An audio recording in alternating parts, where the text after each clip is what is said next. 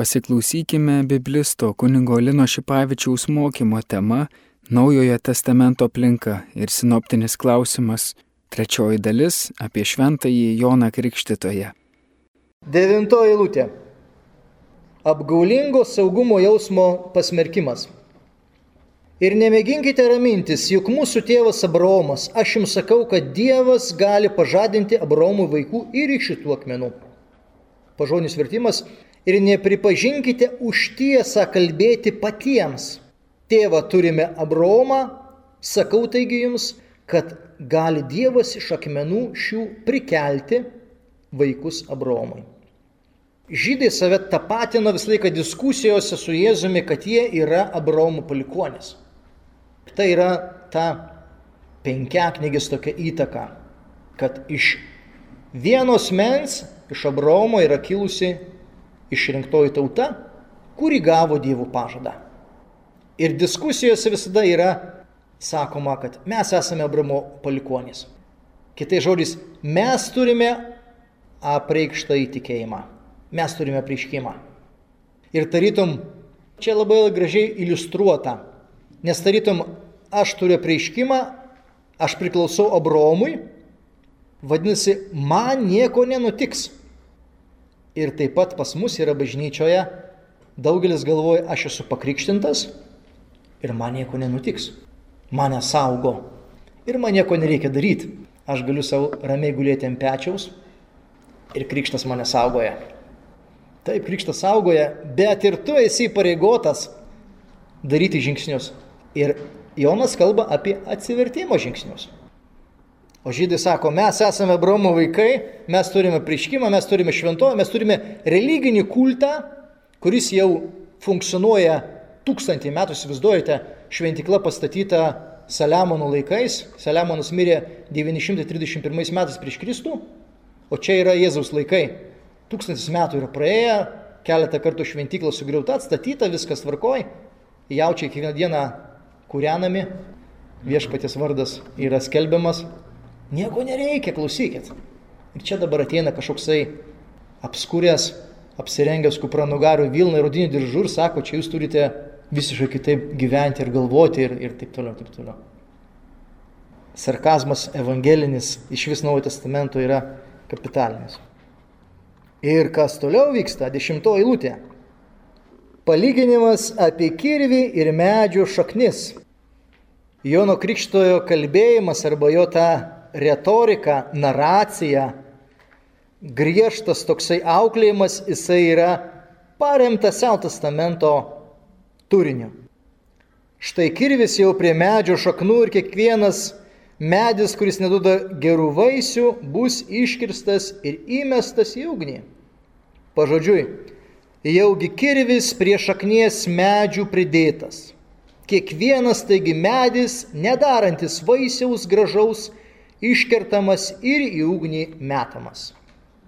Ir turime, aišku, pranašą vėlgi Izaiją 10 skyrių 33-34 eilutės. Štai baise jėga nublokš jos viešpats galybių dievas, kaip nukirsta šakas nuo medžio. Išdidžiausi ir aukščiausi bus nukirsti ir pažeminti. Miško tankinės iškirs kirvis ir didingieji Libano medžiai kris.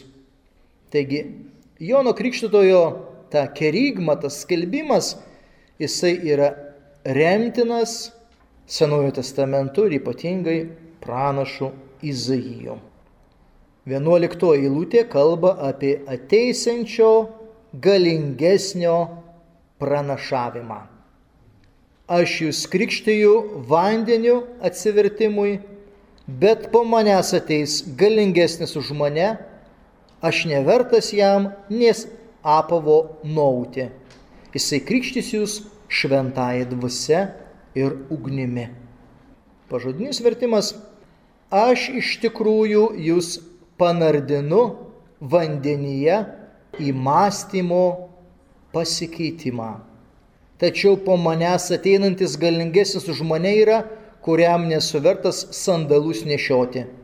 Jis jūs panardins šventąją dvasia ir ugnimi.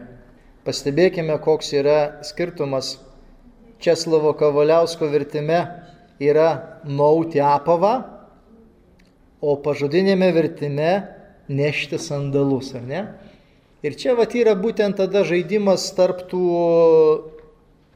rankraščių ir dabar priimtas rankraštis liūdija, kad galbūt tas žodis yra tikslesnis arba tas žodis yra senesnis, kuris galėtų kalbėti apie būtent Mato Evangelijos 11 eilutę. Taigi Jonas kalba apie galingesnį. Aš jūs krikšnu arba panardinu vandenyje į tą mąstymo pasikeitimą, į tą metanoje. Tai reiškia, kad tas, kabutėsi tas toksai liturginis gestas pasinerti į Jordanų upę, reiškia jau, kad tas žmogus nori įžengti tą išorinį gyvenimo pasikeitimą. Bet sako, tačiau po manęs ateinantis galingesnis už mane, kuriam nesuvertas sandalus nešioti. Sandalus nešioti tai reiškia simbolis, kad tarnas arba vergas nešiodavo savo ponui sandalus. Tai Jonas Kristus sako, aš netgi negaliu lyginti save su, su tarnu arba su vergu tos mens. Aš esu netgi nevertas. Pabrėžiamas, vadinasi, tas asmo, kad jisai labai labai yra svarbus. Nepaprastas. Ir sako, jis jūs panardin šventąją dvasę ir ugnimi. Ir toliau yra kalbėjimas apie Jonas Krikštos tarytum jau skelbia, kokia to galingesniojo veikla išvalys kluoną. Dvylikto eilutė. Jo rankoje vėtyklė ir jis išvalys savo kluoną. Pažodinis būtų vertimas, kurio vėtyklė rankoje jo ir išvalys kluoną jo. Turime atitikmenys į du Seno testamento tekstus - pranašą Jeremiją ir pranašą Malachiją. Išviečiau juos vėtyklę po žemės gyvenvietės, atėmiau vaikus, sunaikinau savo tautą, nes jie atsisakė pasukti iš savo kelių. Ir pranašas Malachijas, jis sėdės kaip sidabro lydytojas bei valytojas ir valys levio palikonis bei lydys juos kaip auksą ir sidabrą tol, kol jie neaukos teisumo atnašų viešpačiai. Tai yra būtent Dievo teismo simbolika kaip iš tikrųjų Biblija kalba apie Dievo teismą. Ir čia Naume testamente yra pabrėžiama taip pat to aukštesniojo arba galingesniojo charakteristika.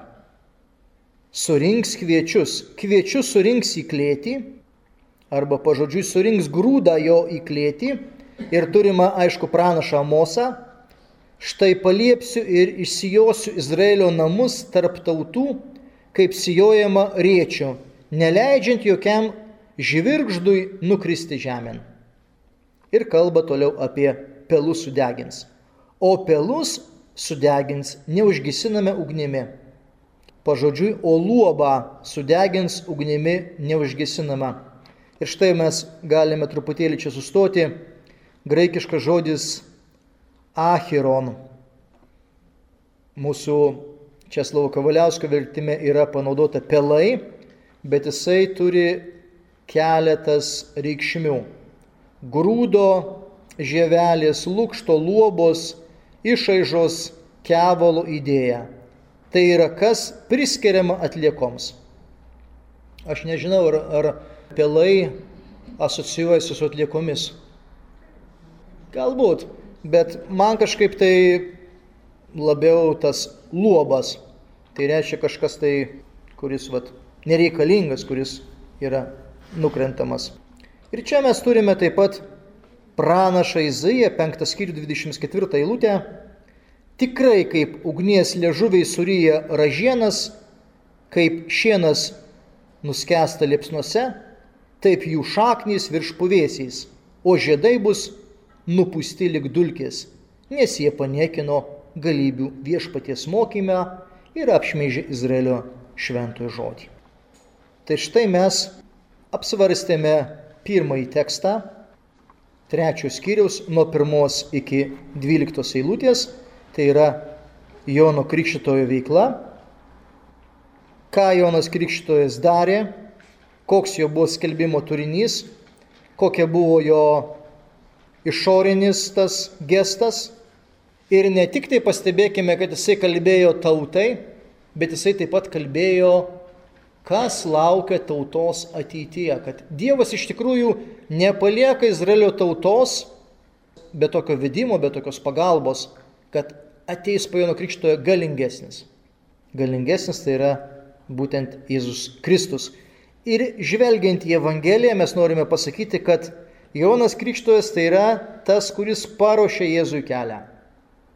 Tai yra Seno testamento tasa, kuri pabrėžia, kad pranašas parodys ateisiantį Mesiją. Šiandien tada pabaigsime apie, apie Joną Krikščitoją, o tada sekantį kartą kalbėsime apie Jėzus gundimą. Jėzaus Krikštas kalba visos trys sinoptinės evangelijos - Matas, Morkus ir Lukas. Analizuosime Matą, Jėzaus Krikštas ir po krikštų iš tikrųjų slepiasi tokie klausimai, kodėl Jėzus priėmė Jono Krikštojo krikštą, nors buvo didesnis už Joną Krikštoje, ar Jėzus pačioje pradžioje buvo Jono Krikštojo mokinys, tai šitie klausimai visada kažkur tai vaikščioja šalia. 13 eilutė pavadinta Jėzus pasirodo prie Jordano ir nori pasikrikštyti. Antrojo skyriaus 22 eilutė tarytum pakomentuoja mūsų 13 eilutę. Išgirdęs, jog Archelajas valdo judėją po savo tėvo erodo, pabūgo ten vykti. Įspėtas sapne nukeliavo į Galilėjos rytį. Taigi Jėzus yra Galilėjoje ir dabar 13 eilutė kaip tik kalba. Tuomet Jėzus iš Galilėjos atėjo prie Jordano pas Joną krikštytis. Pažodžiui būtų, tada atvyksta Jėzus iš Galilėjos prie Jordano pas Joną, kad būtų panardintas per jį. Ta tokia neveikiamoji nuosaka. Turbūt jau girdėjote iš vieno ar tai kito, kad e, ta neveikiamoji nuosaka, kuri vartojama šventajame rašte, tai turi tokią nepaprastą kalbėjimo būdą. Toksai vokiečių autorius buvo egzegetas ir taip pat dirbo prie Naujojo testamento teologinio žodino Jochimas Jeremijas jo yra pasiūlyta vartoti neveikiamąją rūšį kaip pasyvum divinum arba, arba pasyvum teologikum. Tai reiškia, kad tai yra dieviškoji neveikiamoji rūšis arba tai yra teologinė neveikiamoji rūšis. Kada šventame rašte ypatingai Naujame testamente yra vartojama neveikiamoji rūšis, tai mes suprantame, kad tai yra dievų veikimas.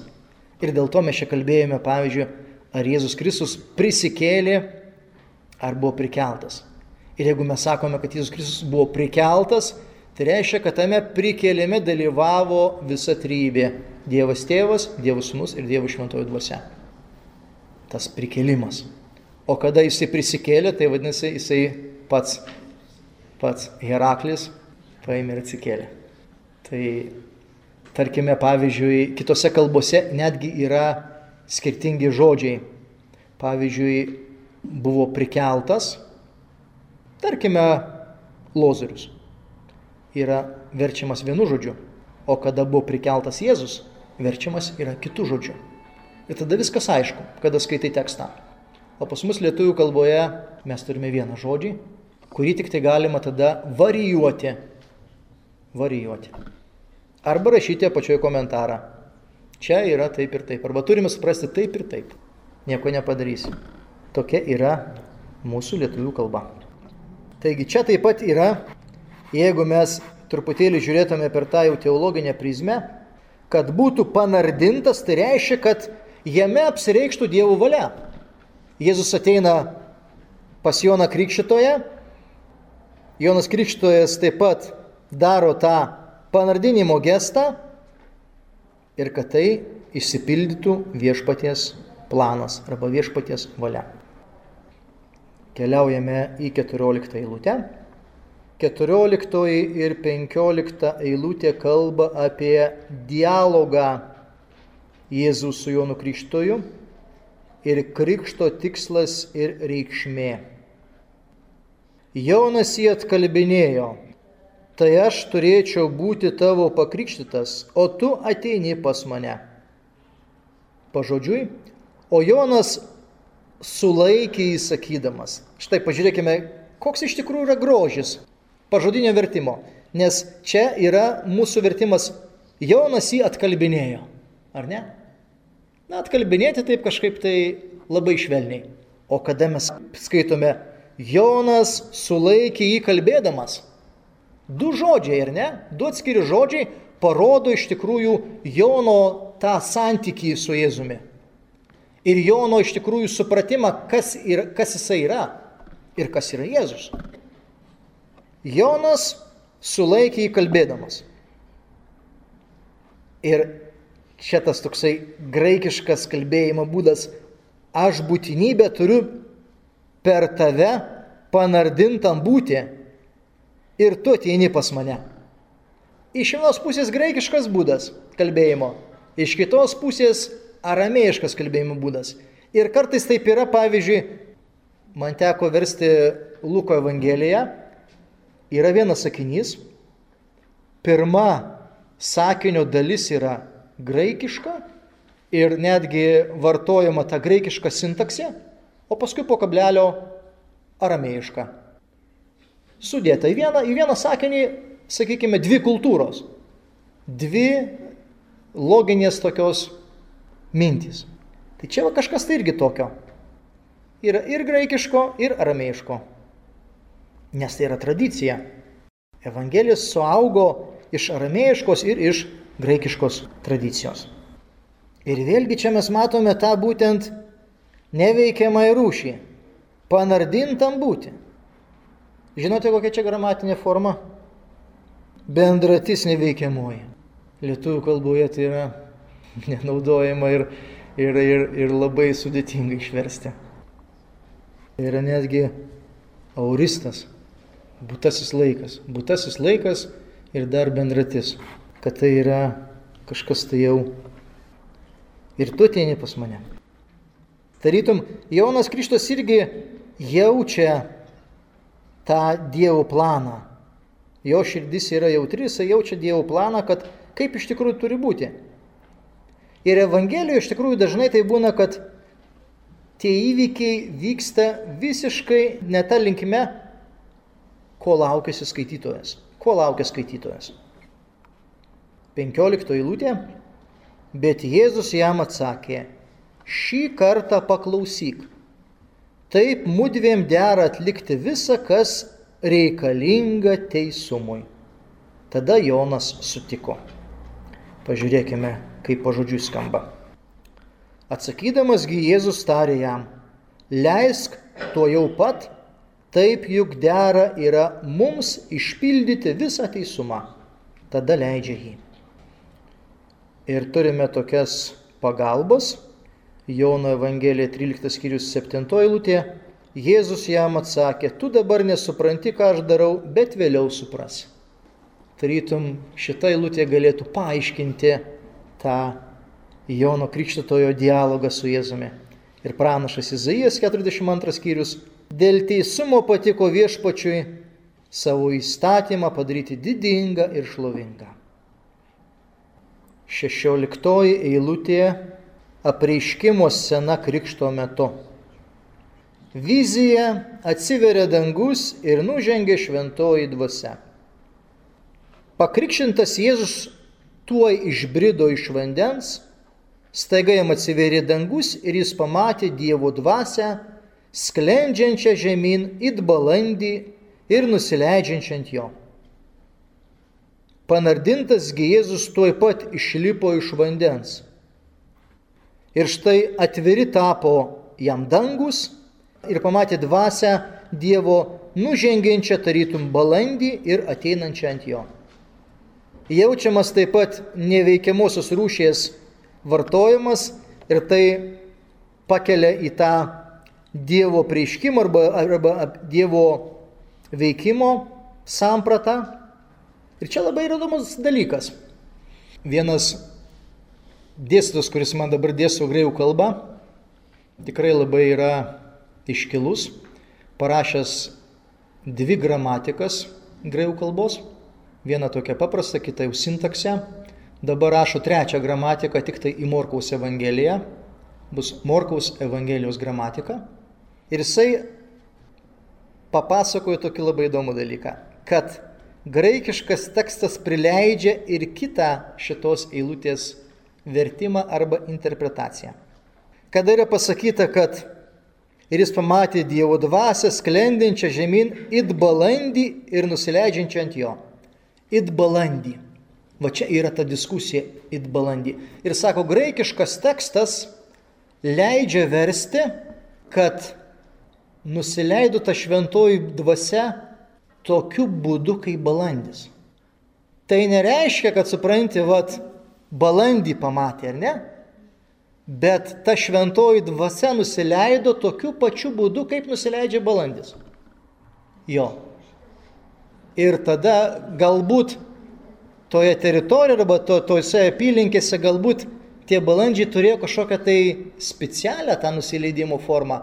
Ir dėl to tas skaitytojas, arba tas rašytojas, kuris rašė Evangeliją, jisai galvoja parodyti, gal labai švelniai tas balandis nusileidžia, gal kažkaip tai taip Nes kaip skaitome pavyzdžiui Seną testamentą, kada pranašas Elijas bėga ten nuo persekiotojų, pasislėpia uloje ir ten paskui kaip Dievas jį prabyla. Ten audros, ten visą kitą, bet nebuvo Dievas tame.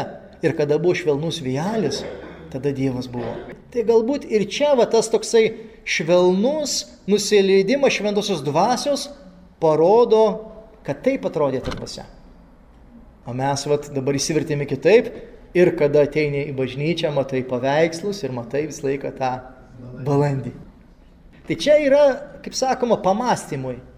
Pamastymės dabar ne, negreukime, nesakykime, kad čia dabar jau nereikia, kažkaip tai čia kažką keičiam, bet čia yra pamastymui. Čia tokioj teologiniai būtent prasmei. Nusileido tokiu būdu kaip balandis. Na ir turime labai nemažai nuorodų į šitą momentą. Pranašas Zachielis, pirmas skyrius pirmoji lūtė. 30 metų ketvirto mėnesio penktą dieną, man esant tarp tremtinių prie Kebarų upės, atsivėrė dangus ir aš mačiau regėjimus iš Dievo.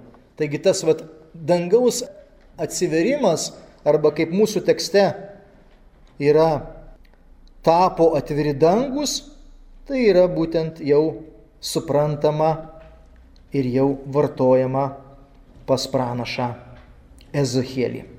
Toliau pranašas Izaijas, 11 skyrius, antroji lūtė, ant jo ilsėsis viešpaties dvasia, išminties ir išvalgos dvasia, patarimo ir narsumo dvasia, pažinimo ir viešpaties baimės dvasia. Taigi ta eilutė duoda dar tokį pastiprinimą arba tokį svarbumą štai sekantis simbolis viešpaties dvasia. Trečia vieta yra pranašas Izaijas, 42 skyrius, pirmoji lūtė. Štai mano tarnas, kurį aš remiu, mano išrinktasis, kuriuo aš geriuosi. Apgaubiu į savo dvasę, kad neštų tautoms teisingumą. Ir toliau apie dvasę kalba pranašas Izaijas, 59 skyrius, 21 lūtė. Tai sandora, kurią aš sukūriau su jais sako viešpats, mano dvasia esanti virš tavęs, nuo tavęs nepasitrauks ir mano žodžiai įdėti jau į lūpas, liks tavo lūpose, tavo vaikų lūpose ir tavo palikonių lūpose, sako viešpats dabar ir per amžių amžius. Taigi matome tie simboliai, kad atsivėrė dangus ir pamatė dievų dvasę, jie yra labai jau ryškus Seno testamento tradicijoje. Ir toliau 17 eilutė kalba apie balsą. O balsas iš dangaus prabilo, šitas yra mano mylimasis sunus, kuriuo aš geriuosi. Pažodžiui, ir štai balsas iš dangaus kalbantis, šitas yra sunus mano mylimasis, kuriuo pasigėrėjau. Graikiškas žodis eudokeo turi palankumo, meilės, patikimo, pripažinimo bei gėrio idėją. Ir vėl turime paralelės, bet prieš tai galėčiau jūs paklausti, kur mes dar girdime Evangelijoje Dievo balsą. Ar atsimenate? Taip, atsimainimas ant taboro kalno, tenai taip pat yra girdimas Dievo balsas. Taigi dviejose vietose, kada Dievas kalba. Yra krikštas ir yra atsimainimas. Ir štai turime atsimainimo sceną, mato redakcija 17 skyrius 5 eilutė. Dabar jam tebe kalbant, štai skaistus debesis apsiautė juos ir štai balsas iš debesies prabilo. Šitas yra mano mylimasis sunus, kuriuo aš giriuosi. Klausykite jo. Evangelija pagal Joną, 5 skyrius, 37 eilutė. Taip, mane pasiuntęs tėvas paliūdė apie mane, bet jūs niekada nesate girdėję jo balso, nei regėję jo veido. Toliau Jonas taip pat mums sako, tėve pašlovink savo vardą. Tuomet iš dangaus ateidėjo balsas, aš jį pašlovinau ir dar pašlovinsiu.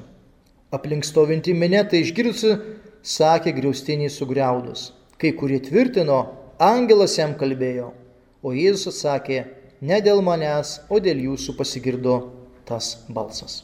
Ir antras laiškas Petro, Jis gavo iš Dievo tėvo garbę ir šlovę, kai iš šlovingosios didybės nuskambėjo jam balsas. Šitas yra mano mylimasis sunus, kuriuo aš geriuosi. Tai štai matome tokius liūdėjimus ir apibendrinant reikia pasakyti, nes jau užbaigėme Jono Krikšto charakteristiką, kad Jonas kelbė Dievo pykčio apsiriškimą arba, kaip kalbėjome, Dievo dienos. Ateis viešpaties diena. Tai reiškia Dievo teismas. O matysime Evangelijoje, kad Jėzus kelbė iš tikrųjų malonę ir atleidimą. Ir tai yra didelis skirtumas. Jonas Krikštojas yra tas, kuris dar reprezentuoja Seno testamento tradiciją, pranašų tradiciją, Ir jisai sako, kad tuoj, tuoj ateis viešpaties diena, o Jėzus ateina ir pakreipia savo klausytojų žvilgsnius į kitą pusę, į Dievo malonę ir į atleidimą. Taigi ačiū Jums labai visiems už kantrų klausimą. Ačiū labai, palaimingo visiems laiko. Girdėjome kunigo biblisto Lino Šipavičiaus mokymą tema Naujojo testamento aplinka ir sinoptinis klausimas. Tai buvo trečioji dalis apie šventąjį Joną Krikštitoje.